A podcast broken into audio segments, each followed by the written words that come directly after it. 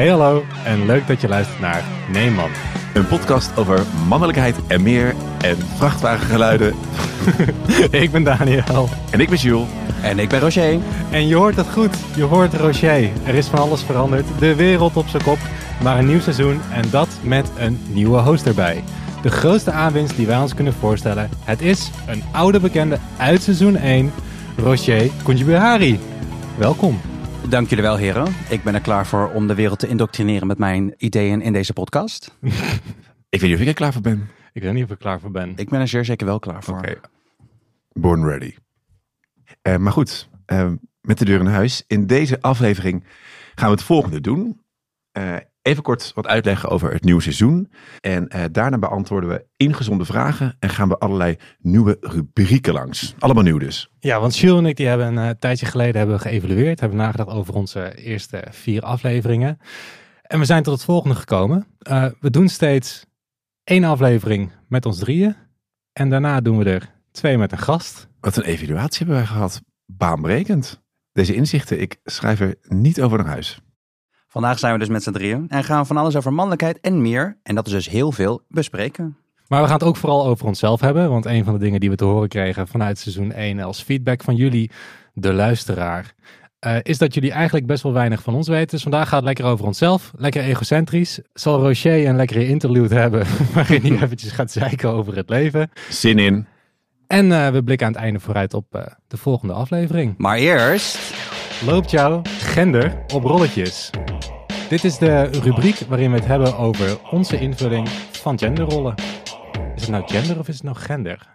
En allebei gewoon zeggen? Ja. Ik weet het ook niet. ik weet het niet van één ding wel, gender is a construct and tear it apart. En het woord dus kunnen we ook zelf construeren. Zeker weten. Ja, we kregen namelijk als reactie ook op een aflevering in eh het eerste seizoen dat wij het gender zeiden.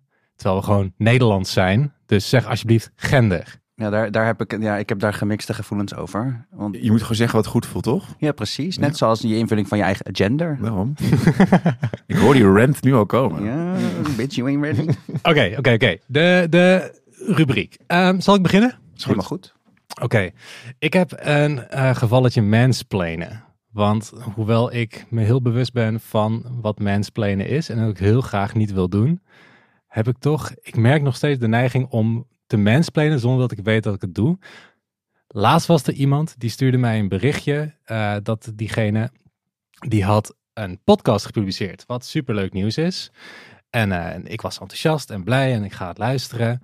En daarna stuurde ze zoiets van, ja, maar hij duurt wel 50 minuten, dus vrij lang. En ik reageerde meteen met van, ja, 50 minuten kom je wel mee weg. Zodra het boven het uur wordt, dan, dan is het wel echt te veel. En toen dacht ik bij mezelf, dat is helemaal niet wetenschappelijk bewezen of zo. Zeg maar, die reactie van mij, ik presenteer het alsof het een feit is, alsof je niet boven het uur mag. En diegene vroeg ik helemaal niet om mijn mening erover. Het was gewoon een soort van, diegene Ja, zei dat gewoon diegene vindt jou een expert.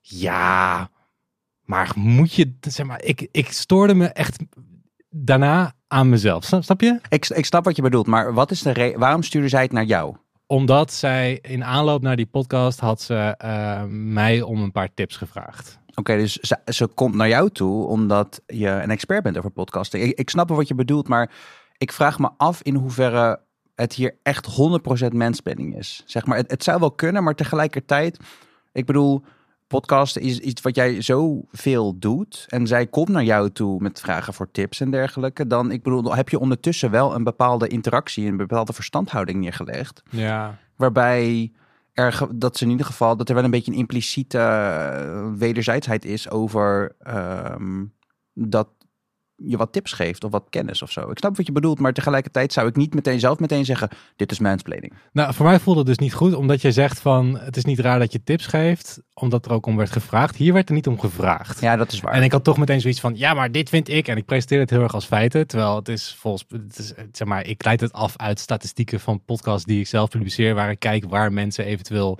stoppen met luisteren. Dus het is, zeg maar, ik weet niet of die vijf tot tien podcasts representatief zijn voor de hele podcastwereld.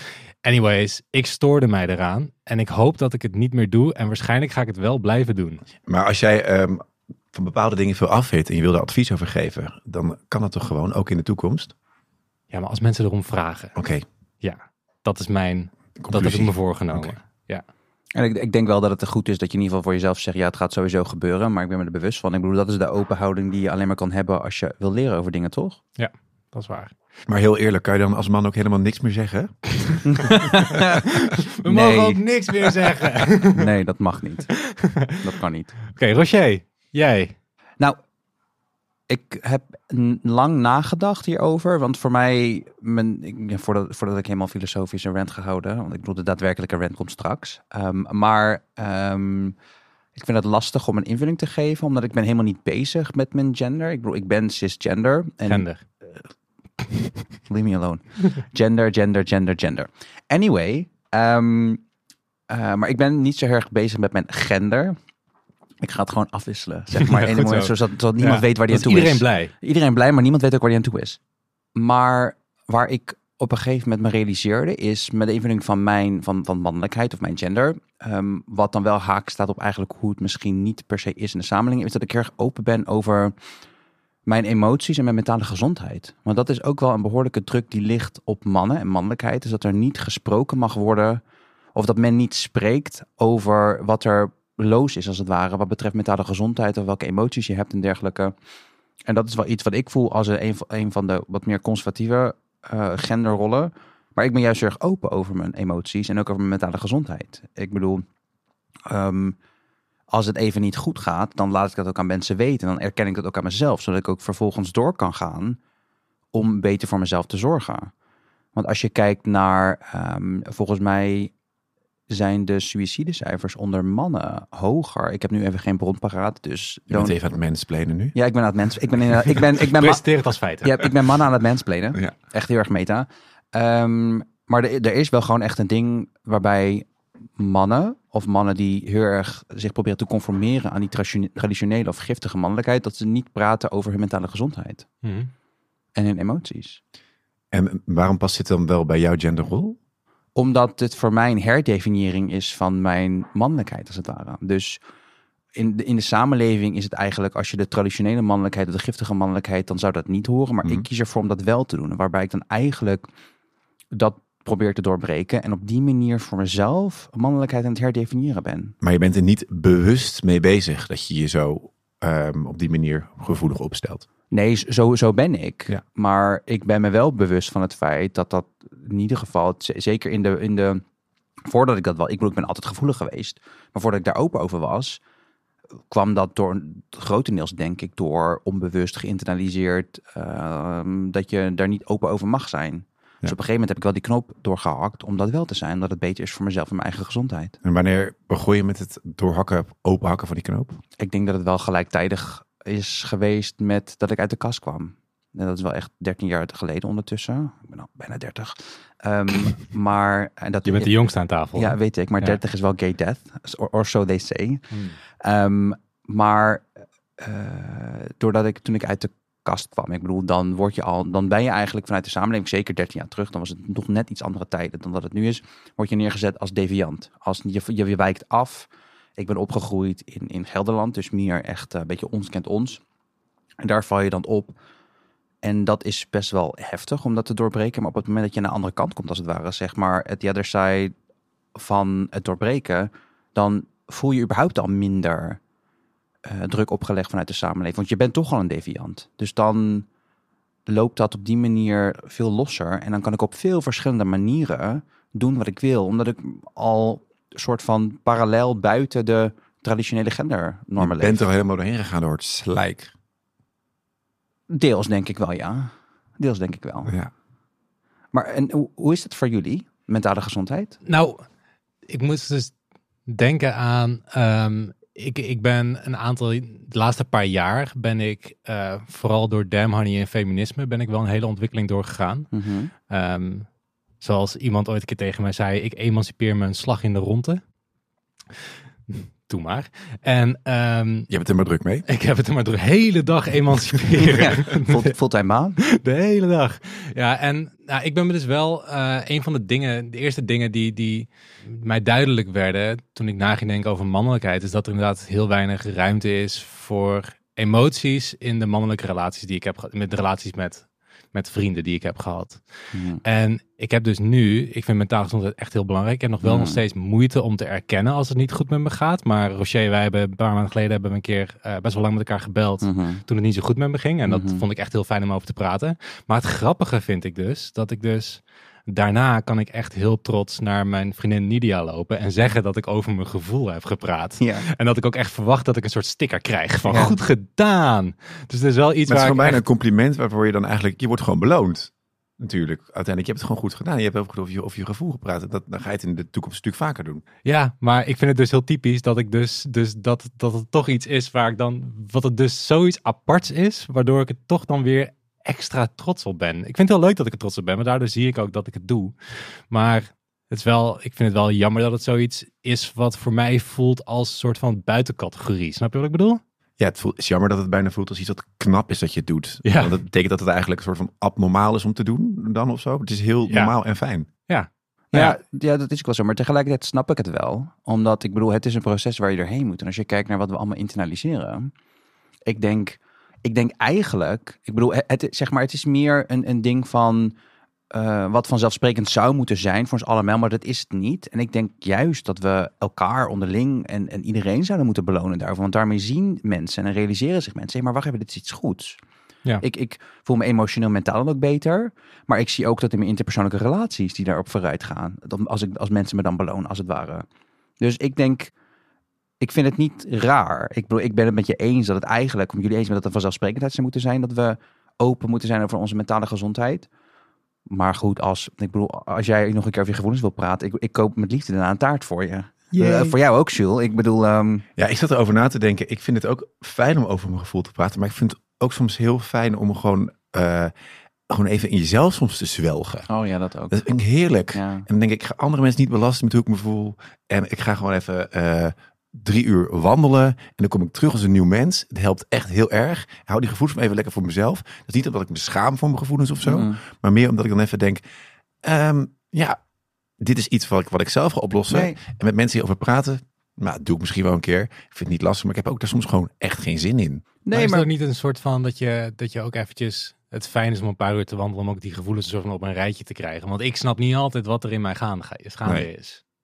Nee, Ja, precies. En, Je ja. kan me even ordenen door als je gewoon lekker over straat loopt, langs bossen, bomen. En, en dat het allemaal een beetje gewoon daalt of zo. D- Zo voelt het dan wel. En dan kan je alsnog een beetje zo'n schifting maken van... oh, dit zijn de dingen waar ik misschien wel mensen over wil praten. Maar dan ga je niet, tenminste ik niet bewust over nadenken van... oh, een soort cherrypicking. Dit is het gevoel waar ik over wil praten, deze niet. Ehm, maar dat, gaat, dat loopt bij mij gewoon dan natuurlijk. Eigenlijk. Nee, precies. Maar ik bedoel, het is natuurlijk niet eh, be- be- bewustwording of zorgen voor je emotionele en mentale gezondheid. hoeft natuurlijk niet gelijk te staan daarover praten. Ja. De openheid die er is, die je hebt over emotionele en mentale gezondheid, is ook de openheid naar jezelf. Ik bedoel, als jij gaat wandelen, dan kies je nog steeds voor om voor jezelf te zorgen en dat een plek te geven. Dus in dat opzicht kies jij wel een manier die voor jou werkt, hoef je niet per se over te praten. Maar waar het uiteindelijk om gaat, is dat het goed voor je is en dat je goed voor jezelf zorgt. En daar gaat het om. En dat is hetgeen wat we moeten doorbreken. Überhaupt, want het, het, het basale punt ligt bij het feit dat mannen het niet erkennen. Dat ze er niet, zeg maar, zichzelf goed voor zorgen. En als ik ons alle drie zo hoor, dan doen we dat alle drie gewoon op onze eigen manier, maar we erkennen het wel. We doen het zelfs nu al lekker. Precies. we doen ons best. Precies. Ja. Oké, Jules. Ja? ja, Ehm, liep jouw gender een beetje Ja, oh ja, daar, hadden we het over. Daar waren we. ehm, maar mijn agenda loopt helemaal op rolletjes gesmeerd en alles. Nee, ehm, ik zat ook even over, over een, een, eh, situatie na te denken. En het was als volgt. Ehm, ik had eh, iets besteld. Iets heel normaals besteld, boodschappen besteld. En toen kwam er iemand aan de deur dat afleveren. En toen, ik kende diegene helemaal niet. Dus, dus dan ga je toch een beetje van, je gaat je opeens heel raar opstellen. dus ik zei, eh, yo bro. maar ik vond het verschrikkelijk. Ik dacht echt, wie, wie ben ik? Wat doe ik? Waarom zeg ik dit? Yo, bro. Yo bro. Ik dacht- Heb ik je dat ooit gezegd? In je... ja, ik zeg het wel eens met vrienden voor de grap. Maar nu dacht ik, oh, dat is, dit is, een hele, dit is best wel een, een stoere eh, man met een helm. En die komt hier boodschappen afleveren. Dus, ja, ik, heb, ik ken diegene niet. Hoe, hoe ga ik me opstellen? En toen denk, zei ik per ongeluk, yo bro. Of, en misschien zei ik ook daarna, thanks man. Maar toen dacht ik, dit is helemaal niet wat ik normaal zou zeggen. Wie ben ik? Waar, waarom reageer ik zo? Wil ik nou stoer doen voor de, voor de, voor de boodschappenbezorger? Of zo wil ik me nu extra mannelijk tonen van, eh, omdat je dan man en man onderling, je kent elkaar niet. Eh, ja, je gaat een beetje, je wilt misschien dan, je wilt dan misschien niet te, te vrouwelijk overkomen of zo. Zeg ik, yo bro. En misschien dacht hij wel van, what the fuck, hoezo zeg je yo bro tegen mij? Eh, ik kan gewoon normaal doen hoor. Dacht ik ook toen ik de deur dicht deed. Ik heb echt de boodschappen neergezet en even nagedacht van, nou ja, dit is eh, bijzonder verlopen. Even een evaluatiemomentje voor Ja. jezelf. En toen eh, heb ik nog de hele dag wel een beetje in een achterkamertje doorgeëvalueerd hoor. Eh, maar eh, ja, dat was dus even een moment waarop ik dacht, mijn gender loopt niet helemaal bolletjes. Nee. ja, je, je- mask for mask site tonen zichzelf Ja. gewoon. Ja, en waarom? Maar ook echt ongevraagd. Ja, ja. Het begon er gewoon alsof ik, alsof gewoon mijn, mijn, wat ik zei werd overgenomen door een soort van masculine vurige tong of zo. Ik dacht echt, ik zeg dit, oké. Ja, ja, ja. ja. Ik schrok ervan. Ik heb altijd als mensen yo bro tegen mij zeggen of, of bro tegen mij zeggen, dat ik echt zo, ik, ik, ik, ik, weet, ik weet gewoon niet hoe ik erop moet reageren. Ik ook niet. Nee, ik, ik snap het gewoon niet. Het is gewoon iets wat gewoon niet klikt in mijn hoofd. Nee, ik, ik zeg het ook alleen maar voor de grap met, met goede vrienden van eh, bro. Maar dan ook een beetje met die intonatie. Bro. Oké, waarom zeg ik dit op die manier? Maar dan vinden wij het grappig. Dat is een soort van, ja, met, met, met z'n drieën voor de, voor de grap om dat te zeggen. Maar we zeggen het juist omdat we het niet serieus nemen. Dus dan is het leuk. Maar ja, blijkbaar heb ik het ook geïnternaliseerd Ja, in als er iemand boodschappen komt brengen. En dan gaat het mis, ja. eigenlijk. Iedereen die trouwens gewoon bro zegt, blijf gewoon lekker bro zeggen. Ja, want toch? Doe lekker je ding. Ja, Bro, ding. zeg gewoon bro. Ja, je weet. ja. Er is, er is één iemand die ik ken, die ik zeg maar via social media, die doet mij brochet. Oh, vind je dat leuk? Ik vind het grappig. Het is zeg maar de inside joke. Maar ze kwam ermee en ik dacht echt zo... Hoe verzin je dit? Hoe kom je hierop? Ik, dit is de allereerste keer dat iemand in mijn bijna 30 jaar leven... ehm, me zo noemde. Maar meer ik denk brochet. Maar misschien vindt, hij, vindt diegene je een broeder of een broer. Of ja, zou zo best kunnen. Ja, ja, zou best kunnen, zou best kunnen. Wat ik ook heb soms is dat als ik aan het tinderen ben, aan het swipen ben, weet je, dat sommige matches dan man zeggen. Of weet je, die heel erg masculien gaan, tenminste. Oh ja. Yo man. Ja, precies. Ja. Nu betrap ik mezelf op het toekennen van masculiniteit en het zeggen van man of whatever. Dus dat is even een beter momentje. Maar in ieder geval dat soort dingen zeggen. En ik denk dan bij mezelf, zeg maar echt zo met opge- opgetrokken wenkbrauw, denk ik, why? hey man. Ja, precies. Yo man, hoe is het? Dat ik echt denk van, "S- sweetie, we're gay. I mean, I mean we, we- take it up the ass. You don't have to say this. Heel man. Ja, nee, ik nooit wat ik terug moet zeggen. Ik zeg het ook nooit. Je, hoeft dat, je kan gewoon ho- hoi zeggen, toch? Ja, precies. Hey, hoe is het? Hoe is je weekend? Ja. Hoe gaan we het patriarchaat slopen? Weet je, dat soort dingen. Maar waarom? Yo man. I mean, Laat jou met rust. ja, precies. Zullen we doorgaan naar de vragen? Ja, de vele vragen die zijn ingestuurd.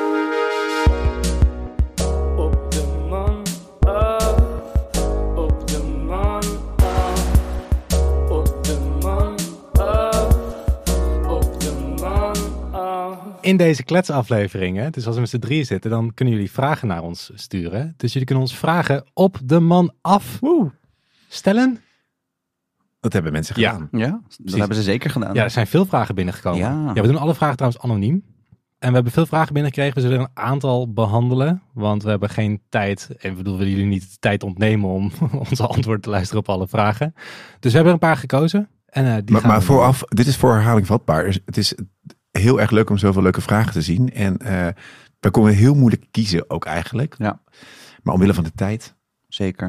niet alles Het beantwoorden. gingen wel allemaal over mannelijkheid. Dus dat Ja. is wel een eh, gedeelde noemer. Hè, wat een irritant, thema, irritant thema weer. Ja, ja, precies. We hebben, we hebben, het daar weer over we hebben opeens een merk gekregen. I mean, Oké, ehm Rocher, wil jij de eerste vraag voorlezen? zeker. Ehm, op een schaal van 1 tot 100, hoe mannelijk zijn jullie? En dan mag je zelf de meetlat bepalen. Ja, over die laatste zin had jij een mening, hè? Ja, want ik, ja, ik ga dan meer taalkundig, een beetje filosofisch ik nadenken over van, oké, ik moet mezelf gaan raten van 1 tot 100 op hoe mannelijk ik ben. Dus dan, oké, dan ga ik denken, oké, mannelijkheid, misschien traditionele mannelijkheid van de vanuit de samenleving. Maar als je dan zegt, je mag zelf de meetlat bepalen, dan ben je eigenlijk jezelf aan het raten op de meetlat die je zelf bepaalt. Dus dan is het voor iedereen voor zichzelf. Dus in feite maakt het dan niet uit of ik een 1 of een 100 aan mezelf toeken. Ik bedoel, ik kan zelf een waarde toekennen aan de 1 en aan de 100 voor wat ik beteken. Dus hoe dan ook is het voor mij altijd een win.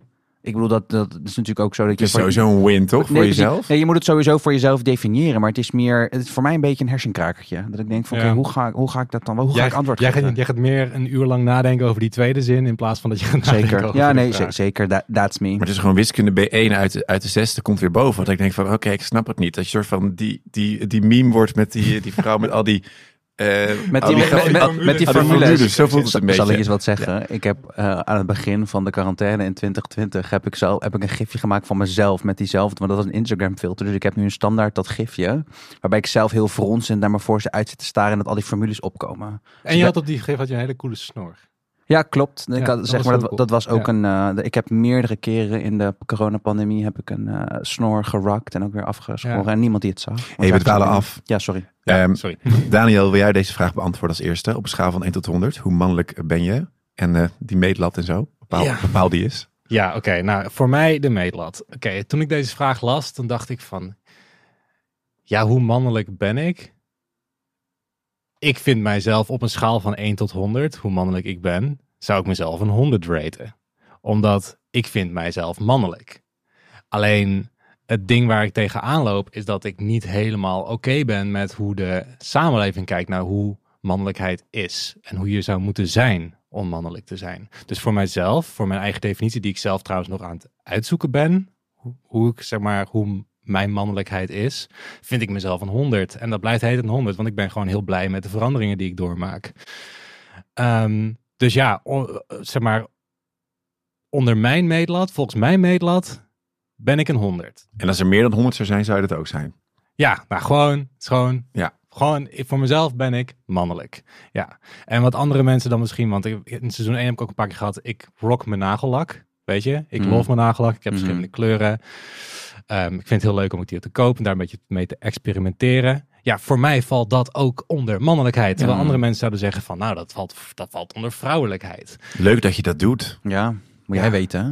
Nee, maar als in leuk dat je dat doet met die nagellak. Dat, ze, dat, zo, dat, dat- zo kunnen mensen reageren, bedoel ik. Ja, precies. Van, nou, het is gewoon wat ik, wat ik ben. Het is helemaal niet zo omdat het eh, opeens me, ik eh, een vrouwelijke kant aan ontdekken ben of Nee. zo, toch? Of, of Nou ja, ik weet niet hoe dat werkt. Nou, nou ja, ik denk dus, ik denk wel dat ik in mijn onderzoek naar hoe ik zelf mannelijkheid zie en hoe ik zelf mannelijkheid bij mezelf zie, dat ik wel experimenteer met dingen, of wil experimenteren met dingen die worden gezien als typisch vrouwelijk. Hm, Maar dat betekent niet dat ik daardoor minder mannelijk ben. Nee. nee. Ja, dus dat is mijn antwoord hierop. Mega helder. Ja. Jij, Jules? Op een schaal van 1 tot 100. Ik, ehm, ik denk dat ik mezelf... Ik denk dat ik mezelf 90% mannelijk voel en 10% iets wat ik niet zo goed weet wat het is. Omdat ik... eh, ik, ik denk dat dat gewoon een soort van nog een, vaag gebied is. En Wat ik heel mijn leven, sinds ik klein ben, vind ik het al heel erg leuk om gewoon te verkleden. En ik heb heel veel, heel veel vrouwenvrienden, waardoor ik ook gewoon soms veel beter match met hen dan met Mhm. mijn mannenvrienden. En dat ik denk van, ja, ergens heb ik heus wel misschien een, een hokje in mijn hoofd wat, wat, wat, wat eh, niet per se volgens de norm, mijn eigen meetlat dan, ehm 100% een man is of zo. Ehm, maar ja, in die, in die end kan ik me ook heel goed vinden in wat jij zegt, Daniel. Ja, ik ben, ik geef mezelf wel een 100 qua mannelijkheid van, ik ben gewoon een man.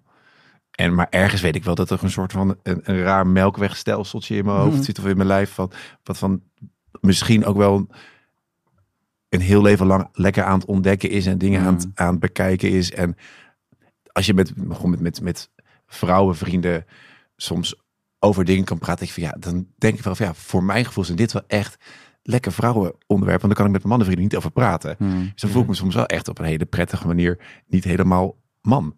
Hm. Ik wil je nog. Wat, ik denk dat het wel. Wat ik hier ook in hoor, wat ik ook in mijn eigen verhaal terug hoor, is dat het denk ik heel fijn is om mannelijkheid niet te zien als iets vaststaan. Want als je mannelijkheid van jouzelf ziet als iets wat zich constant kan ontwikkelen en je kan experimenteren, kun je ook constant blijven ontwikkelen. Ja. En als jij gewoon zegt van ik ben mannelijk omdat ik hou van motoren die 180 cc hebben, zoiets. Dat heb ik een keer gehoord. Ja, er zijn ook vrouwen die dat hebben, toch? Of, of, of Ja. andere mensen die niet man of vrouw zijn. Maar als je het in zo'n soort van hokje moet passen, dan ontneem je jezelf ook de mogelijkheid om je te kunnen ontwikkelen en te experimenteren. En ik denk gewoon, als je gewoon mannelijkheid iets ziet als wat zich kan ontwikkelen, wat je voor jezelf kunt definiëren, dat is heel fijn. Dat geeft heel veel vrijheid. Mhm. Wat wil jij hierover zeggen, Roger? Nee, nee, niks. Ik, eh, zeg maar, ik ben gewoon aan het luisteren en ik moet in één keer, jij hebt het over die motor en ik moet in één keer, komt er een random hersenspinsel in me op. Over echt van die hele rigide masculine men, vaak cisgender en hetero, die zo moeite hebben met het hele gender-gender ehm, gebeuren, om het maar even zo te zeggen hoe ze het zelf zeggen. Dat gedoe. Dat gedoe, maar wel in zijvorm praten over auto's, over een auto die ze hebben. Snap je Oh, ja. dat ze voor Ja. dat ze ze- zeg maar pronouns gebruiken voor een auto? Zeg maar dat, dat, dat, ze, vrouw, dat ze hun vrouwelijk geslacht toekennen aan hun auto. Eh, Dat je een Ferrari hebt, die noemt haar, Ja, zeg maar, haar zij. ja, ja, het, zeg maar zo, ja, precies. Maar dat ik echt denk van, I don't get it. Want hoe, hoe Ik zou er ook doen hoor. Zij rijdt lekker vandaag. Ja, nee, nee. Toch? Wil je nog een beetje, over je fiets. wil wil je nog een beetje rosé met ijs bij? Lekker. Geef haar aan mij. Nee, maar ja. Nee, ja, nee, ik bedoel, maar, nee, maar dan wordt het weer een gay thing. Want zeg maar, dat is natuurlijk ook wel best wel een ding. Dat we alles zijn haar noemen en zus en vriendin en weet ik allemaal wat. Maar het is meer van die hele, zeg maar, dat het vooral toegekend wordt aan motoren en auto's en weet ik allemaal wat. Volgens mij is het ook vrij een Amerikaans ding. Maar dat ik meer afvraag van, hoe? Maar dat, dat is even een ra- random hashers die verder niks te maken hebben met jullie verhaal. Maar voornamelijk getriggerd wordt over je motor met 180 cc. Whatever that may mean. Ja, nou, ik Eh. moest hier ook denken aan dat ik een keertje... Ik had het ook toen gefilmd, omdat ik het zo grappig vond. Want toen, toen was ik hier aan de overkant van de straat. Stond er, had, had, volgens mij had iemand een nieuwe motor. Er stonden allemaal mannen omheen in zwart gekleed. Die zaten allemaal zo, nou, zo ja, je kan, het is een podcast, dus mensen kunnen het niet zien. Maar echt zo instemmend en Te kijken naar die motor. En een soort van, en daarna reed die motor ook met heel veel lawaai. Want motoren maken veel lawaai. Ja, Heel veel lawaai reed hij ook weg hier. Gewoon in de straat mag je 30. Ja, dat, zeg maar, dat is ook zoiets waar ik me dus... Dat, dat, dat is volgens mij wat wordt gezien als mannelijk. En ik keek ernaar, ik dacht mezelf van... Ik ben echt een soort van alien. ja, ja. Ja. Doen Nee, ze in Rotterdam ook in de Witte de Witstraat. Al die, al die gassies met hun bakken die dan zeg maar keihard gaan optrekken. Dat ik echt denk van... Ik, dat ik, again, zeg maar, die calculating woman meme. Zeg maar, dat, ik, ik snap het gewoon niet. Ja, maar zoek een parkeerplaats of ga dat Ja. ergens anders Ja, doen. Laat ons met rust. Zoek een hobby. Ga een boek lezen. Ga overal waar ruimte is, behalve natuurgebieden. Precies. Ja. Ja, niet in de natuur. Dat is zielig en Ja. erg. Ja. Ja. Oké, eh, wil jij hier nog op antwoorden, Roger? Of, kunnen we naar de, of willen we naar de volgende vraag? Laten we naar de volgende vraag gaan. Oké, ik wil deze vraag aan jullie stellen, want ik vind dit een hele goede vraag. Zijn Pride schoenen, vlaggen, horlogebandjes voorrechten van LHBTIQ+, of ook allies? Wat vinden jullie hiervan? Want ik heb namelijk zo'n vlag hier hangen buiten het raam. Ik zou het in eerste instantie absoluut geen voorrecht willen noemen. Omdat ik denk, oké, het is heel fijn als, ook, als iedereen dat heeft. En, en eh, dus ook allies dat, dat, dat hebben.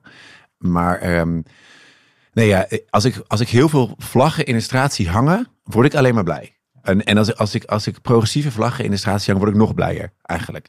Dus ik denk, er kunnen er niet genoeg zijn. Nee. Dus als de allies ook meedoen, Ja. dan, dan denk ik van, oké, we maken deze wereld echt een stuk ehm, meer rainbow progressief. Word, word ik vrolijk van. Dus hoe meer mensen meedoen, hoe toffer ik het vind. En dan, dan vind ik het vind ik niet dat ik het recht heb om dat een voorrecht te noemen voor, voor, voor LBTI-plussers. En Jij, Roger? Agree. Zeg maar, als ik dan toch weer een beetje taalkundig ga kijken en een beetje de zin ga deconstrueren. Voorrecht, zeg maar, definieer ik als iets van een privilege. En dat is zeg maar een, een, een voordeel hebben over. En dat, dat is het niet. Een, een- zeg maar, die regenboogvlag, zeg maar, dat is iets wat ons als community, zeg maar, grotendeels van de mensen die LGBTQ zijn, verenigen. Zeg maar, een gemeenschapsgevoel, omdat we ook strijden voor een gelijkwaardige en rechtvaardige positie in de samenleving. Dus het is geen privilege. Kijk, je ziet het gewoon heel veel, omdat het voornamelijk steeds breder wordt gedragen in de samenleving en de mensen daarbij. Ehm, dus ik zou het sowieso geen voorrecht willen noemen. En ik ben wel heel blij als allies daar ook aan meedoen Ja. en die dat ook uitdragen. Wat wat Jules ook zegt, als al die vlaggen in de straat hangen, dat is alleen maar meer zeg maar dat is een signaal van in this household we stand the queers. Weet Ja. je, om het even zo te zeggen. En dat is zo krachtig, want hoe meer we dat hebben, hoe beter dat is. Hoe meer zichtbaarheid we hebben, hoe meer mensen laten zien dat ze de LGBTQ plus gemeenschap steunen, hoe breder dat gedragen wordt en hoe meer dat bijdraagt aan de quote-unquote normalisatie van onze positie in de samenleving. Ja, en het gaat mis op het punt dat je, wanneer je het over ehm, zogenaamde rainbowwashing gaat hebben. Als, als, als mensen, organisaties, ehm, dit, is, dit is niet mensplenen bedoeld hoor, Ehm, maar als, als ze het onnatuurlijk eh, gaan gebruiken, dan, dan, dan zie je dat, dat voel je ook. Dan denk je, ja, dit doe je alleen maar om je eigen merk nu meer eh, Ja. hip te maken in deze tijd. Dat, is, zeg maar, dat zijn, zijn bedrijven die, die dan hun profielfoto, Ja. dat, die filter eroverheen doen gedurende de Pride Month. Ja, en dan en ook misschien dan heel tactisch gezien, net, heel tactisch gezien, net iets daarvoor of net iets daarna, dat je dan, dan Ja. nog steeds het gevoel van, oh, zijn er wel altijd mee bezig. Maar van heel veel organisaties weet je gewoon, oké, die, die komt uit een goed hart. Hmm. Maar als andere mensen het echt gebruiken als marketing tool, dan, dan, dan zeg ik van, eh laat ons met rust. Ja. Ja. Agree. Je, Ja. kunt, je kunt heel makkelijk ook dat checken om gewoon door, door te- op zoek te gaan naar wat de intentie is. En dus het is altijd kijken naar intentie en impact. Want je kunt altijd goede intenties hebben, maar misschien een verkeerde of kwetsende impact. Maar ze kijken sowieso naar de intenties van bijvoorbeeld eh, zulke bedrijven, organisaties of ook personen. Waarbij het voornamelijk is om bij te dragen aan je eigen imago. Want ik bedoel, progressiviteit en mensenrechten is iets wat tegenwoordig beloond wordt. Want ik bedoel, stel we hebben die hele straat weer over gehad waar al die regenboogvlaggen hangen. Dat zijn allemaal mensen die erachter steunen. Als zo'n bedrijf daarop inhaakt, ik bedoel, dat is gewoon een marketingtruc. Want dan zullen al die mensen denken, oh dat merk is ook progressief. Dus dat komt overeen met mijn mensenrechten. Ik zou eerder daarvoor kiezen ten opzichte van de alternatief op de markt. Dus dat is sowieso belangrijk om naar te kijken. En dat opzicht ben ik het met je eens. En dan is het gewoon, dan inderdaad, ga weg. Ik wil, ja, ik wil er wat schunniger zijn, maar laat ik, laat ik een beetje beleefd blijven. Ja, rent komt straks nog. Ja, die komt straks nog. Volgende vraag? Ja, Of wil jij nog iets zeggen, Daniel? nou, ik, wil, ik, ben een, ik ben een ally. Mhm. En ik wil nog wel één ding zeggen wat ik wel belangrijk vind, is dat ehm, als je een Pride vlag hebt, of schoenen, of horlogebandjes, of wat dan ook. Ik denk dat het wel heel belangrijk is, is dat je niet degene bent die vooraan gaat staan roepen Mm. in de strijd. Ik vergelijk het met toen ik les gaf op de universiteit. ehm, als ik dan bijvoorbeeld zei dat ik feminist was, dan kwamen er, dan barsten de discussies los in het lokaal. Mhm. En ja, ik ben dan niet degene die de hele tijd argumenten gaat aanvoeren. Terwijl er ook mensen zijn in de zaal die worden onderdrukt, die het verhaal uit eigen ervaring kunnen vertellen. Mm. Ik bedoel, ik heb het niet ervaren. Het enige wat ik kan doen is erbij zijn, zorgen voor extra beeld voor, zeg maar dat het meer in beeld is. Maar daar houdt het ook wel een beetje bij op. Mhm. Tenzij, het verschil vind ik wel, als ik gewoon met cis-hetero vrienden ben en we hebben het erover, dan vind ik dat je wel je vooraan mag staan en Hmm. jezelf mag uitspreken. En maar, kan onderwijzen bedoel je en aan hen dingen uit kan leggen die, die jij zo ervaart. precies, en er gewoon over in gesprek gaan. Maar ik denk wel dat, dat het, is, het is heel fijn dat je het uit wil dragen, maar weet wel waar, in het, zeg maar, waar jouw plek is in het debat. Mm.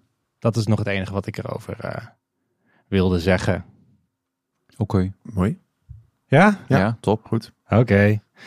Ehm, Volgende vraag. laatste vraag, laten we die doen. Ja. Aan Jules, want daarna gaan we even naar de rant Oké. van Rocher. Rocher, wil jij de laatste vraag stellen? Zeker. Jules, noem drie dingen die beter zijn dan rosé met ijs.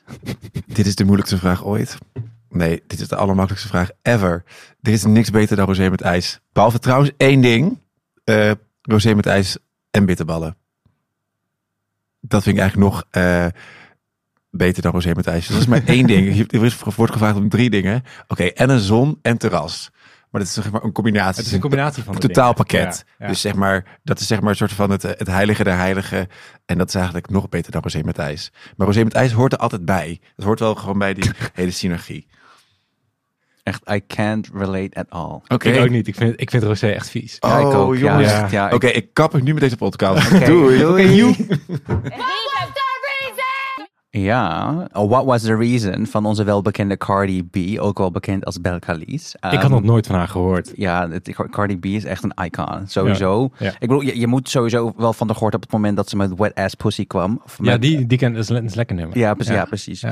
Ja. Maar Web. in, in eh, web, eh, maar in deze rubriek ga ik eh, gewoon een beetje klagen over dingen die ik niet snap. Over zeg maar eh, in het leven, dingen die ik meemaak. En we hopen dat mensen kunnen relaten, toch? Ja, precies. is en en, het- en ja. zo- sowieso om een beetje, een beetje luchtigheid mee te brengen. Ik bedoel, het is altijd wel leuk. om Het is zo zwaar, deze ja, ja, precies. Maar het is ook wel leuk Ja. om anderen te horen klagen, zodat je niet hoeft na te denken over je eigen problemen. Ja. Dus ik doe het voornamelijk voor jullie en niet voor mezelf. Maar niet juist. Ehm, what was the reason? Ja, ehm, ik deze zomer, ik bedoel natuurlijk, eh, deze zomer was anders dan vorige zomer, want nu zijn we allemaal gevaccineerd en dergelijke. Dus ik ben ook wat meer dingen gaan doen, want ik neem de pandemie vrij serieus. Dus ik ben ook wat meer gaan daten deze zomer. En eh, toch wel met een aantal mannen op dates geweest. En leuk mensen leren kennen en dergelijke. En, en ik, ik val relatief snel voor iemand. Zo, ik bedoel, dat krijg je ervan als je gevoelig bent. Ehm, Je kunt je beter weer een beetje gaan afsluiten. ja, echt Ja. hoor. Mag ik weer terug in quarantaine en isolatie.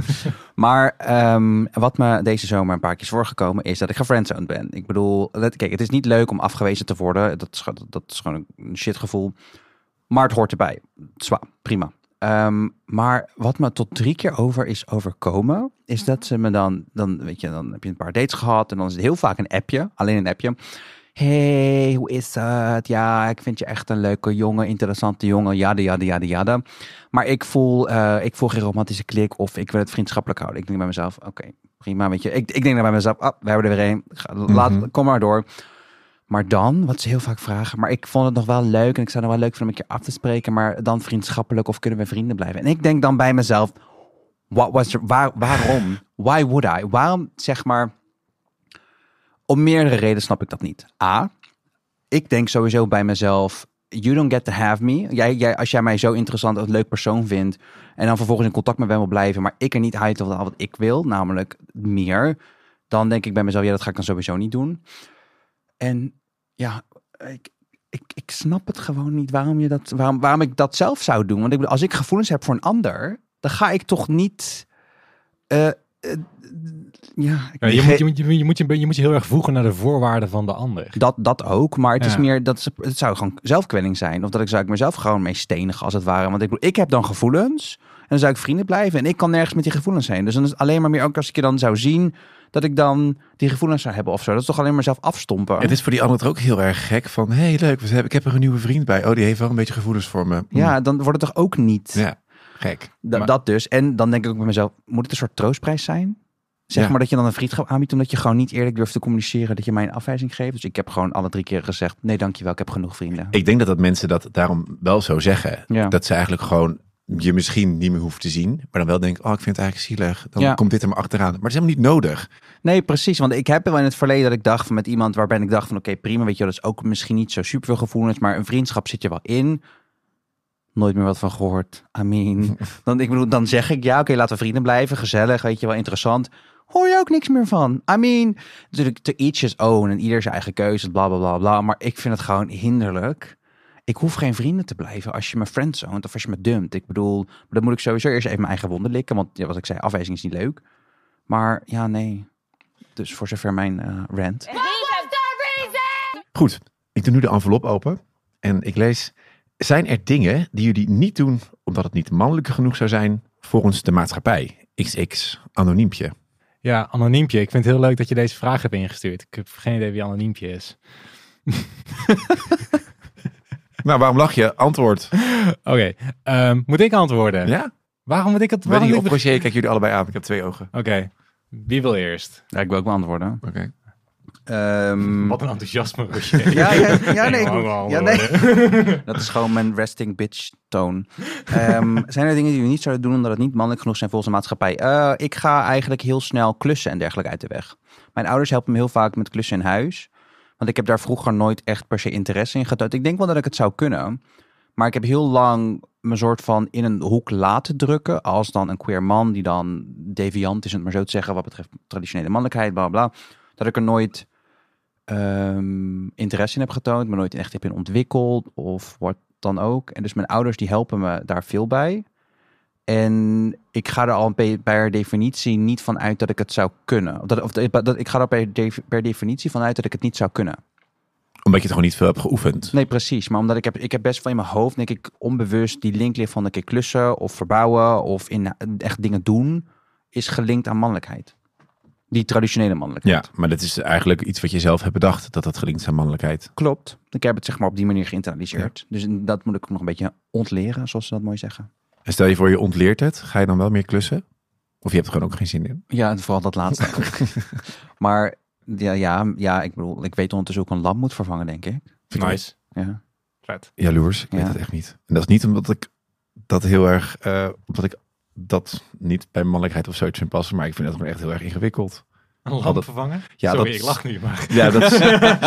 nee, ik bedoel meer van... Oh nee, wacht even. Ik bedoel niet de lamp vervangen. Maar ik bedoel zeg maar als je bent verhuisd en er hangen van die draadjes uit het plafond. Ja, maar dat kan ik ook niet. En dan zie je... Nou, dat, daar, kan, ik- daar kan ik jaren naar kijken en het hangt er nog steeds. En dan moet je allemaal zo'n zo'n blokje eraan maken. En dan, en dan vreselijk. En dan komt natuurkunde uit de derde weer naar boven met zo volt en ampère en zo. Dan denk ik, nou, ik ga naar buiten. Een rosé met ijs drinken. Ja, naar het terras. Ja, ik heb altijd dat ik bang ben dat de stroom er niet af is. Ook al heb je de stroom eraf, ik Ja. vertrouw het gewoon. Nee. Ik zou die Nee, meterkast ik helemaal bang als het uitzetten. aanraak dat het dan gewoon... Ja. Dus ik rubberen laars aan, rubberen Ja, handschoenen. ja, ja. Nee. Maar goed, blijkbaar zit iets heel mannelijks, want we hebben het nu over na deze vraag. Ja. Ehm, Oké, dus zijn er dingen die jullie niet doen omdat het niet mannelijk genoeg zou zijn volgens de maatschappij? Ik interpreteer de vraag denk ik iets anders, want ik denk dat ik, ik zie het meer dat of ik dingen Oh. uit de weg ga omdat het niet omdat het niet mannelijk genoeg zou zijn. Als ik naar buiten ga of dan... Nou, ik, moest dus, ik had een voorbeeld. Ik had dus laatst... Ik, ehm, ik, eh, ik had laatst in één keer... ik had mijn computer geüpgrade. En ik ging dingen verkopen via Tweakers. Dat is een soort marktplaats voor elektronica. En ik had daarop een foto geplaatst van, eh, van mijn videokaart die ging verkopen. En op die foto zag je mijn vingers met nagellak. En ik heb die foto toch niet geplaatst, omdat ik bang was. Want die tweakers over het algemeen is echt wel, echt wel een soort... De, gros van de mensen daar is volgens mij... Ik heb niet de cijfers, maar volgens mij is het wel man. Het is topsite daar die van. Hoor. Ik vind het echt heerlijk om er rond te Het is lekker, hè? Ja. Ja, ja. Maar goed, je hebt die foto met nagellak Die heb ik dus niet gebruikt. geplaatst. Omdat ik dus, dus, dus toch bang was dat... Ja, ze weten niet eens of ik een man of een vrouw ben trouwens. Maar Maar wa- wa- voor wat voor reactie was je bang? Want I blijkbaar don't know, had je dat ding niet zo... Ja, nou, ik was me in één keer daar heel bewust van. Dus, dus... En ik heb dus ook wel dat ik... Ik ben heel jaloers in de zomer op over het algemeen luchtige kleding die wordt gedragen door vrouwen. Van die hele, van die, van die chille, fijne, luchtige broeken of rokken. Dus- en- en dan zit jij daar met je En dan zit ik daar weer met... korte broek die ja, te strak zit en dat jij het nog steeds warm hebt. ja, precies. Dat je zit te zweten tussen je Ja. billen en bij je ballen. en, maar ja, en ik, ik zou dat zo graag willen dragen, maar ik doe het toch niet. Dus, nou ja, dus mijn antwoord is hierop is ja. Er zijn dingen die ik niet doe, omdat het niet mannelijk genoeg zou zijn volgens de maatschappij. En anonieme briefinstuurder, vraaginstuurder, doe hiermee wat je wilt. Mooie antwoorden. Jij dan, Jules? Ehm, nee, ik zat over na te denken. En ik, eigenlijk ben ik soms als jaloers op dat het mannen niet heel erg normaal is om, om gewoon make-up te dragen. Als je soms eh, 's ochtends wakker wordt en je denkt, vandaag zie ik er echt heel erg beroerd uit. Dan denk ik van, als ik nu een vrouw zou zijn, zou ik lekker zo'n dikke pancake-laag erop gooien. en, en, en helemaal, helemaal die poeder eroverheen. En dan, dat je dan denkt van, oké, nu zien mensen mijn wallen niet meer. Nu kan ik gewoon ook knap zijn terwijl ik me rot voel. Maar als man heb, vind ik het niet... Ik, heb, ik zou er nooit over nadenken om make-up te dragen. Maar, maar ik zou het soms wel chill vinden. Gewoon zo'n lekker foundation laag. Even, even lekker poeieren. Even lekker poeieren. Ja, dan zie je ook mensen in de trein dat wel eens doen. Dan denk je, oh, ik ben eigenlijk hartstikke jaloers dat jij dat wel kan. En tegen mij gaan mensen de hele dag zeggen... Heb je slecht geslapen? Ja. Weet je wel? Maar dan denk ik van, nou, als ik dat poeier op had gehad, was het misschien wel beter geweest. Dus ja, het, het, dat, zou, ik- dat doe ik niet, omdat ik denk dat het volgens de maatschappij niet mannelijk is. Oh ja. Eigenlijk. Ja. Ik, voel, ik zou me ook oprecht oncomfortabel bij voelen om de hele dag met make-up om te lopen. Maar dat is omdat je zo bent, ja, jezelf zo hebt ontwikkeld dat je dat niet normaal vindt. Ja, Ik heb dus nu, ik is, nu zit ik in de fase dat ik jaloers ben op alle mannen die ik op Instagram zie, die dingen als oogschaduw en zo Mhm. hebben. Dat ik denk van, dat wil ik ook, maar ik durf het nog niet. Ik vind het nog te eng.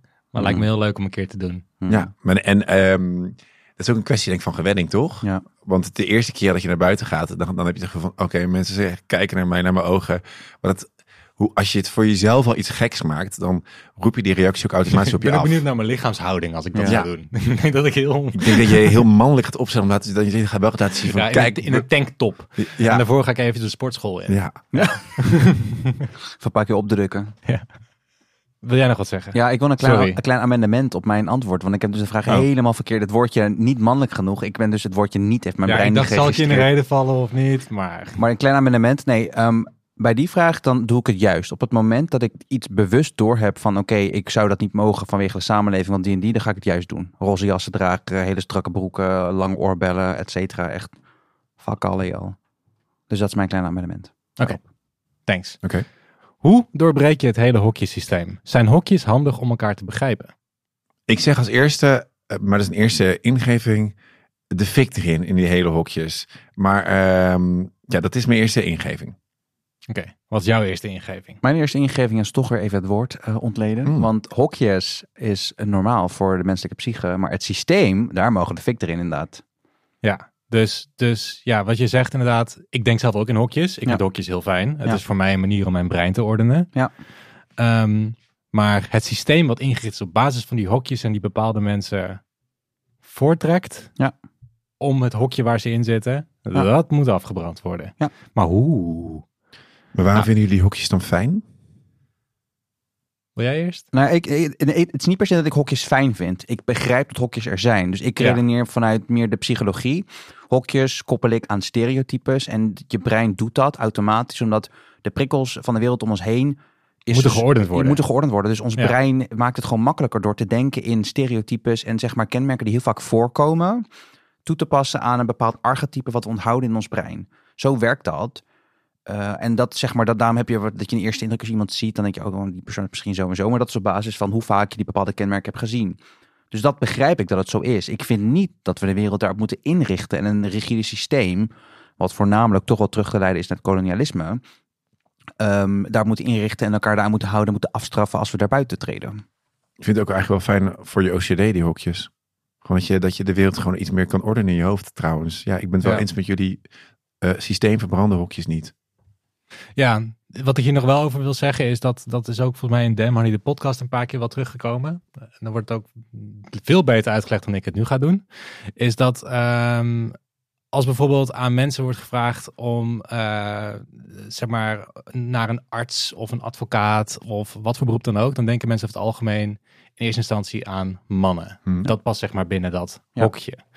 En om dat doorbreken, werkt het dus heel erg goed om de vrouwelijke variant daarvan te gaan gebruiken. Bijvoorbeeld advocaat te. Mhm. Want daarmee doorbreek je eigenlijk dat hokje. En mensen Mhm. gaan niet automatisch meer associëren met een man. Nee.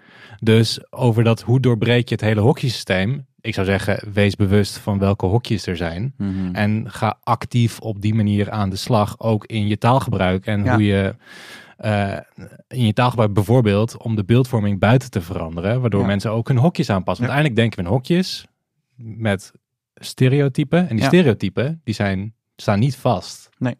Dus daar kun je aan werken. En hoe zou je het woord huisarts dan aanpassen? Ja, dus ik nu te denken, eh, huisarts is echt een heel slecht voorbeeld. Ja, maar ja goed. Ik, ik denk bij huisarts wel inderdaad, ja, heel stom vanuit altijd al wel. Denk je, oh, dat is een man met een bril en de snor. Ik weet niet waarom, maar dat is hem vaak Ja. helemaal niet. Nee. Natuurlijk niet. Nee, klopt. Dat is je stomme hokje die dit dan weer voor schotelt. Zullen we afsluiten? Zeker. We eindigen met een vooruitblik. Jules, wil jij de vooruitblik doen? Vooruitblikken is altijd goed. En daarom hier een fantastische vooruitblik. Namelijk aflevering 2. Want dan hebben wij Marilotte Hagen en Nidia van Voorthuizen van Damn Honey te gast. Als eerste echte gasten van seizoen 2 dus. En we gaan het hebben over mannenhaat. Ik zeg we, maar eigenlijk gaan jullie met z'n tweeën eh, met hen erover hebben. Ik kijk er naar uit. Ik ben een en al oor. En dan nog als laatste, van 24 tot 26 september organiseert Emancipator een trainingsweekend voor mannen of mensen die zijn gesocialiseerd als man. Dat is leuk en inspirerend en belangrijk, want het is een fijne groep. Het gaat over eigen ervaringen met man zijn en over wat jij kan doen om gendergerelateerd geweld te voorkomen. Ga erheen, kom ook en aanmelden kan tot 12 september en we zullen een linkje zetten in de show notes. Yes, eh, dit is aflevering 1 van het gloednieuw seizoen van Neeman. Dank voor het luisteren. En eh, jullie, Roger, Jules, dankjewel dat, dat jullie er waren in, Yes. de- in mijn huiskamer. Ja, Leuk. Graag gedaan. Eh, trouwens ook nog dank aan Emancipator voor de morele en inhoudelijke steun. En dank aan Dem Honey voor het samenbrengen van ons allemaal. En vond je deze aflevering leuk? Laat dan 10 sterren Of achter. meer. Ja, 10 sterren of meer. Maar eigenlijk kunnen er maar 5 helaas. Achter in de iTunes app. En vertel al je medemensen over de leukheid van Neeman. En doei! Dag. En dag.